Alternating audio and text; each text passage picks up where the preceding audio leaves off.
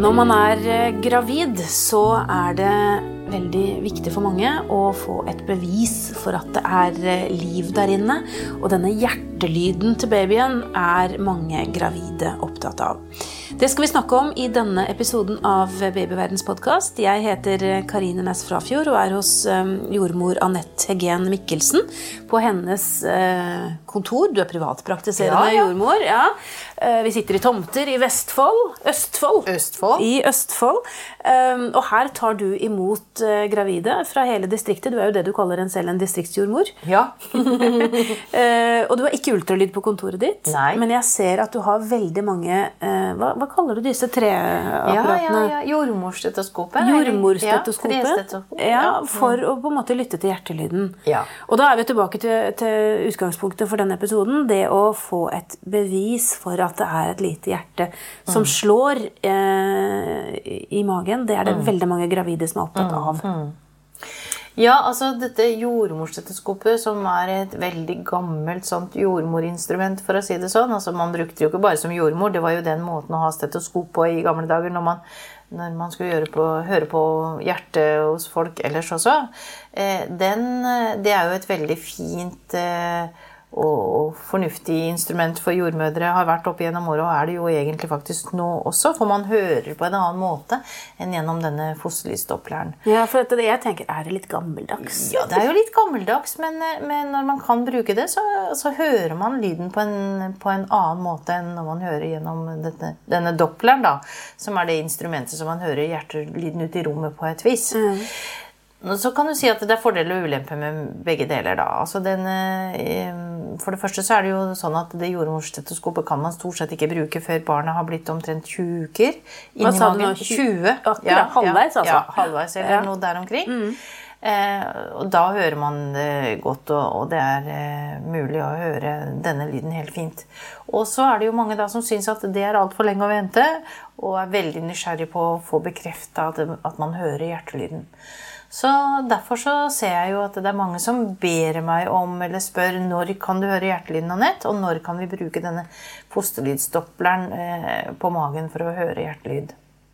Og da er svaret Ja, og da er svaret at eh, hvis barnet ligger på en, eh, en måte som er eh, litt opp mot mageskinnet på et vis, så kan du kanskje høre det når det er en 14-15 uker, hvis man er litt heldig. Men så er det det da, at det betyr jo ikke Hvis man ikke hører det, så betyr det jo ikke at det ikke er noen barn der som er eh, i fin form og alt er bra. Så det kan jo bli mye nerver, og det blir jo mye kan bli mye styr med den hjertelydhøringen. Eh, Spesielt hvis man gjør det privat hjemme, som jeg jo også hører at en del gjør. Ja, for nå er det jo sånn at man kan få kjøpt litt sånn hjemmedopplersystem. Ja. Hva tenker du om det? Eh, Jeg tror vel jeg vil si at jeg vil fraråde det. Og det er fordi at det kan bidra til veldig mye engstelse, rett og slett. Fordi det krever øvelse å vite hvor barnet er inni magen, og det krever øvelse å bruke denne fosterlysdoppleren. Eh, og så eh, gir den jo ut noen type vibrasjoner eller stråler, da. Så det er jo ikke tilrådelig å bruke det altfor mye. Så hvis man ikke kan det, og liksom setter det akkurat over der hvor barnet forventes å være, og bruker forholdsvis kort tid på å høre, så, og, men leter rundt og gjør det hver dag, så kan det jo bidra til mye engstelse, som sagt, fordi at man ikke finner hjertelyden. Og det bidrar jo noe ekstra stråling også, da. Men når du får en, først- en gravid på, på første kontroll, da er man jo ganske tidlig gravid. Mm. Forventer man allerede da egentlig at man skal høre noe? Ja, det er nok en del som har en del tanker om at man kan høre det når det er åtte-ni uker eller der omkring, men det kan man jo ikke. Det tar litt tid før man hører eh, hjertelyden. Eh, og nå vet ikke jeg akkurat fordi jeg ikke er ultralydjordmor, men, men se at hjertet slår kan man jo gjøre ganske tidlig. Eh, om det er 10-12 uker eller der omkring. Eh, eh, at man kan se at, eh, at hjertet slår. Og kanskje før også, egentlig, ved, ved indre, innvendig ultralyd. Eh, men så blir jo da spørsmålet om man skal gi seg ut på alle disse undersøkelsene. Ja. Om det egentlig er fornuftig og lurt å være så opptatt av å høre hjertelyden. Ja, Det skal vi snakke mer om, men når du da tar hjertelyden på en 14-15 uker gammel baby, er det noe spesielt? eh, Skal det slå på en spesiell måte, eller er det bare det at du hører noe? Mm. Nei, jeg, jeg hører jo en, et lite hjerte som slår, og det går veldig fort. Eh, og det er jo litt spennende, for da kan man skille det ut fra hjertelyden til mammaen ved at det slår sånn 140-150-160 slag i minuttet, og det er normalt. Eh, Et lite, lite foster har en veldig rask frekvens. Så, så det er jo den riktige måten eh, hos barnet, denne raskere frekvensen, da. Eh, Men det som er problemet når man begynner å høre så tidlig, det er at man kan risikere at man ikke hører noe. For det kommer litt an på hvordan barnet ligger inni magen. For hvis det ligger langt ned mot mammaens rygg og langt bort fra der hvor man hører med Doppler, så kan man ene dagen høre det, og neste dagen ikke høre det. Og så betyr, det ikke det gått, betyr ikke det nødvendigvis at det har gått galt, for å si det sånn. Så det er derfor det blir litt stress hvis man driver og, og lytter etter dette hjemme. da. Mm, Men kan du høre noe unormalt i hjertelyden? Så tidlig er ikke det veldig lett, nei. Så da bare hører man etter at det er en normal frekvens og så videre. Sånn, da. Så det er det som er på en måte Ja. hensikten. Mm. At det er liv der, ja. At det er liv, Så dette jordmorstetoskopet det, det brukes egentlig bare for å konstatere at her er det liv. Ja. Og så skal jo, når man hører på hjertelyden, så skal man jo alltid, etter hvert som svangerskapet skrider frem, så skal man selvfølgelig alltid kombinere det med å si Kjenner du Og det er det viktigste. Kjenner du godt med liv? Altså Kjenner du at babyen beveger seg? Det er jo den måten mammaen skal kontrollere, og, og kan kontrollere at det er eh, bra med bevegelse. Er det bra med bevegelser, så er, har jo babyen det bra. Og det er hennes måte å kontrollere dette på. Mer enn å høre med denne eh, fosterlysdopteren. Vi skal snakke mer om det å ha et uh, lite kontrollbehov, kanskje, når man er eh, gravid, og det at man hele tiden ønsker en bekreftelse på at det er et, et liv inne i magen. Men uh, vi tar en liten pause først. Jeg sitter på kontoret til jordmor Anette Heggen Mikkelsen. Og her har det sittet mange gravide før meg eh, som har Ja. vært veldig Ja. nysgjerrig på, på hjertelyd og andre ting som vi har snakket om. Og du var litt inne på det, og jeg hører, hører i stemmen din at du er ikke så veldig begeistra for dette behovet for å vite for mye. Nei, altså Det er mulig at det er litt konservativt, eller jeg vet ikke helt hva vi skal kalle det. Men jeg tenker jo at eh, vi som mennesker må lære oss å leve med usikkerhet også. Og spesielt når man er gravid, så har man jo ingen 100% garantier for at alt skal gå bra hele tiden. Selv om det stort sett gjør det. Det må jeg jo si. De aller fleste graviditeter går helt fint. og går veldig bra, og det kommer ut en frisk og fin unge. Så er det Det kan bli veldig stressende, i hvert fall, som menneske å skulle kontrollere hver eneste dag at alt er tipp topp. Eh, man må lære seg å leve litt med at eh, man er litt dårlig fra tid til annen, og man føler seg bra den ene dagen og litt mindre bra den andre dagen. Og man har ikke kontroll på eh, hjertelyden og alt det andre som skjer der inne. Eh, ved å, altså, det er ikke nødvendig å sjekke det hver eneste dag. Nå har du vært jordmor i mange år. Du har lang erfaring. Eh, Du har tatt imot tusenvis av unger og møtt da tilsvarende mange gravide. Ja. Eh, Merker du at det kontrollbehovet har forandret seg Ja, jeg, jeg syns egentlig det. Ja. det har blitt mer av det, ja. ja. Og er det som Og det funderer vi jordmødre og andre helsefolk en del på. Hva er det som gjør at det har blitt sånn? Og hvordan kan vi trygge fødekvinner og de som eh, også skal og er partner, hvordan kan vi trygge familiene framover i forhold til å tørre å gå inn i et svangerskap og en fødsel på en måte som gjør at de ikke blir så eh, engstelige eller har sånt kontrollbehov hele tiden? Men hvorfor er det sånn, tror du? Er det fordi at vi har egentlig alle svarene rundt oss overalt hele tiden? På internett og Ja, vet du, jeg lurer på om det faktisk er en sånn, et samfunnsfenomen. At, eh, og et samfunnsfenomen som kanskje ikke er så sunt. At vi er vant til å ha kontroll på alt mulig rart til enhver tid i, i livet vårt. Og nå skal man ikke forherlige samfunn før, eller samfunn i verden ellers som lever i mer usikkerhet. Men kanskje er det sånn at man satte mer pris på og stolte mer på eh, at naturen ordnet opp i en del situasjoner før. Eh, og var glad for at dette stort sett gikk ganske bra. Eh, å kontrollere at naturen gjør jobben sin, er jo en veldig slitsom sak for eh, oss moderne mennesker. Da. Vi kan jo strengt talt ikke gjøre så veldig mye med Nei, det. For det blir jo et spørsmål om so what. Hva kan vi gjøre med dette? Hører vi på hjertelyd hver eneste dag? Eh, blir utfallet bedre av det? Nei. Altså Barnet utvikler seg stort sett, og det går sin gang uansett. Og hjertet slår hele tiden. Og hjertet slår hele tiden. Stort sett går det veldig bra. Men en ting vi må være oppmerksomme på, som du også var litt inne på, det er jo dette med fosterbevegelser. Ja, og det er viktig. Mm. Er viktig. Fortell når man skal, eller hvordan skal man på en måte Kjenne det, ja, tenker du? Og, og det, å, det, å få, det å vente på liksom de første bevegelsene Mm.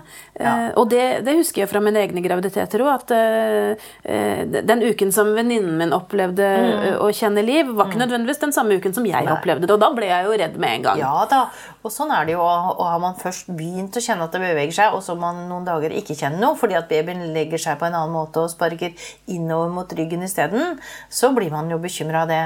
Men jeg, jeg tenker at eh, det er litt forskjell på førstegangsfødende og flergangsfødende her. For en flergangsmamma vet jo hva hun skal kjenne etter. Så hun kjenner det lettere. Eller kjenner det igjen lettere, disse sparkene eller bevegelsene til babyen. Som jo da er kanskje som en fisk som slår med halen, eller små bobler som sprekker, eller en sånn merkelig, rar eh, følelse av at det er noe som skyver seg til ene siden, eller eh, noe lignende. Eh, og har man kjent det en gang i livet, så kjenner man det jo igjen når man er gravid nummer to. Eh, eller er i graviditet nummer to. Eh, og så vet jeg at eh, en del sier nei, det kan du ikke kjenne så tidlig som 14.-15 uke. Men det har jeg faktisk vært med på sjøl. Så jeg respekterer at noen og tenker at jo da, det tror jeg nok man kan. Hvis det vil seg vel, så kan man kjenne når babyen er 14-15 uker at det beveger seg litt. Men så er det heller ikke uvanlig at man eh, ikke kjenner det før uke 20. Nei, sånn er det jo. Og spesielt hvis man da er førstegangsfødende, så kan det veldig ofte hende at man ikke kjenner det før man har kommet til uke 20, ja, halvveis. Mm. Og da er jo barnet ganske stort. Ja. Og så er det noe med denne bevegelsene og det å eh, kjenne liv eh, etter hvert hver eneste dag, eller kjenne bevegelse hver eneste dag, veldig viktig. Og det er jo også en, en eh, bevissthet som har endret seg gjennom de siste årene. Eh, For noen år siden så fikk man jo beskjed om at nei, nå er ungen så stor at nå klarer den ikke å sparke, så det er ikke så farlig om du kjenner noe eller ikke. Ja, litt skummel uttalelse, der, Veldig men skummelt. riktig det du sier. Og sånn er det jo Ja. ikke lenger. Nei, Eh, nå for den skal bevege seg. ja, og det skal man kjenne. Men det jeg tenker, er jo at eh, kvinner i dag er så travle. Eh, vi, vi er på jobb, og vi er på trening, og vi er på kafé, og vi er liksom overalt. Og vi har kanskje barn fra før. Veldig travle hverdag. Vi rekker ikke, eller vi tar oss kanskje ikke tid til å kjenne Nei, etter. nei, det tror jeg du har helt rett i. Og midt i svangerskapet når barnet har god plass, så er det jo ofte veldig livatt. Eh, Og veldig mye bevegelse. Og så på slutten så blir det jo trangere og relativt sett litt vanskeligere for babyen å klare å bevege seg. Men da blir bevegelsene annerledes. Altså Da skyver babyen seg opp til ene siden, eller sparker seg litt nedover, eller presser hodet i en eller annen vei. ikke sant? Så man kjenner bevegelse på en annen måte. Og, og sånn skal det jo være. Så bevegelse skal man kjenne hver eneste dag. Og det er et godt tegn på at babyen har det veldig bra hvis man kjenner bevegelse hver eneste dag. Og så er det jo sånn at når man hviler seg, altså ikke trener eller løper rundt eller handler eller stresser rundt, så hvis man legger seg ned, så blir det bedre sirkulasjon i morkaka. Og da får babyen- mer oksygen og mer næring. Og, og, så derfor så er det med hvile veldig viktig for at barnet skal trives. Og da setter jo gjerne babyen i gang og beveger seg ganske mye når man legger seg ned. Og da kan man jo se at magen skyver seg fra den ene siden til den andre, gjerne. da.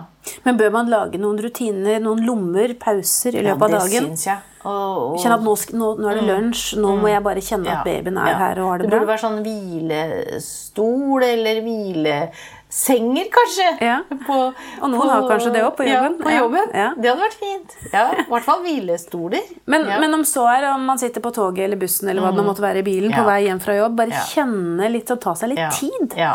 Og være bevisst. ja. Veldig viktig, det. Å søke kontakt med barn i magen, på en måte. Og hvis man ikke kjenner noe, så er det jo noen triks òg som man kan bruke. Ja, ja. Da er det jo sånn at man skal være oppmerksom på da når kjente jeg, eller tenke litt etter når kjente jeg barnet sist. Og så etter det så får man jo, hvis man da ringer til sykehuset så, eller til jordmora si, så får man jo gjerne beskjed om at ja, men drikk noe søtt. Eh, drikk litt sterk saft eller juice eller sånn, og så se hvordan babyen, eh, om babyen reagerer på det, dette lille sukkerkicket. Og de aller fleste barn gjør jo det, da. Men hvis ikke det nytter, så er det jo veldig lurt å ta kontakt med sykehuset for å få tatt en ultralyd eller en vurdering av hvordan ungen har det. Og der er det ganske lav terskel for å komme Der er det veldig lav terskel. Ja. Så det tror jeg er faktisk noe av det aller viktigste jordmødre og andre kan si til de gravide. At du må kjenne etter om babyen beveger seg hver eneste dag. Og kanskje på en annen måte på slutten, men den skal bevege seg omtrent sånn som den pleier å ha gjort hele tiden. For det er individuelle forskjeller.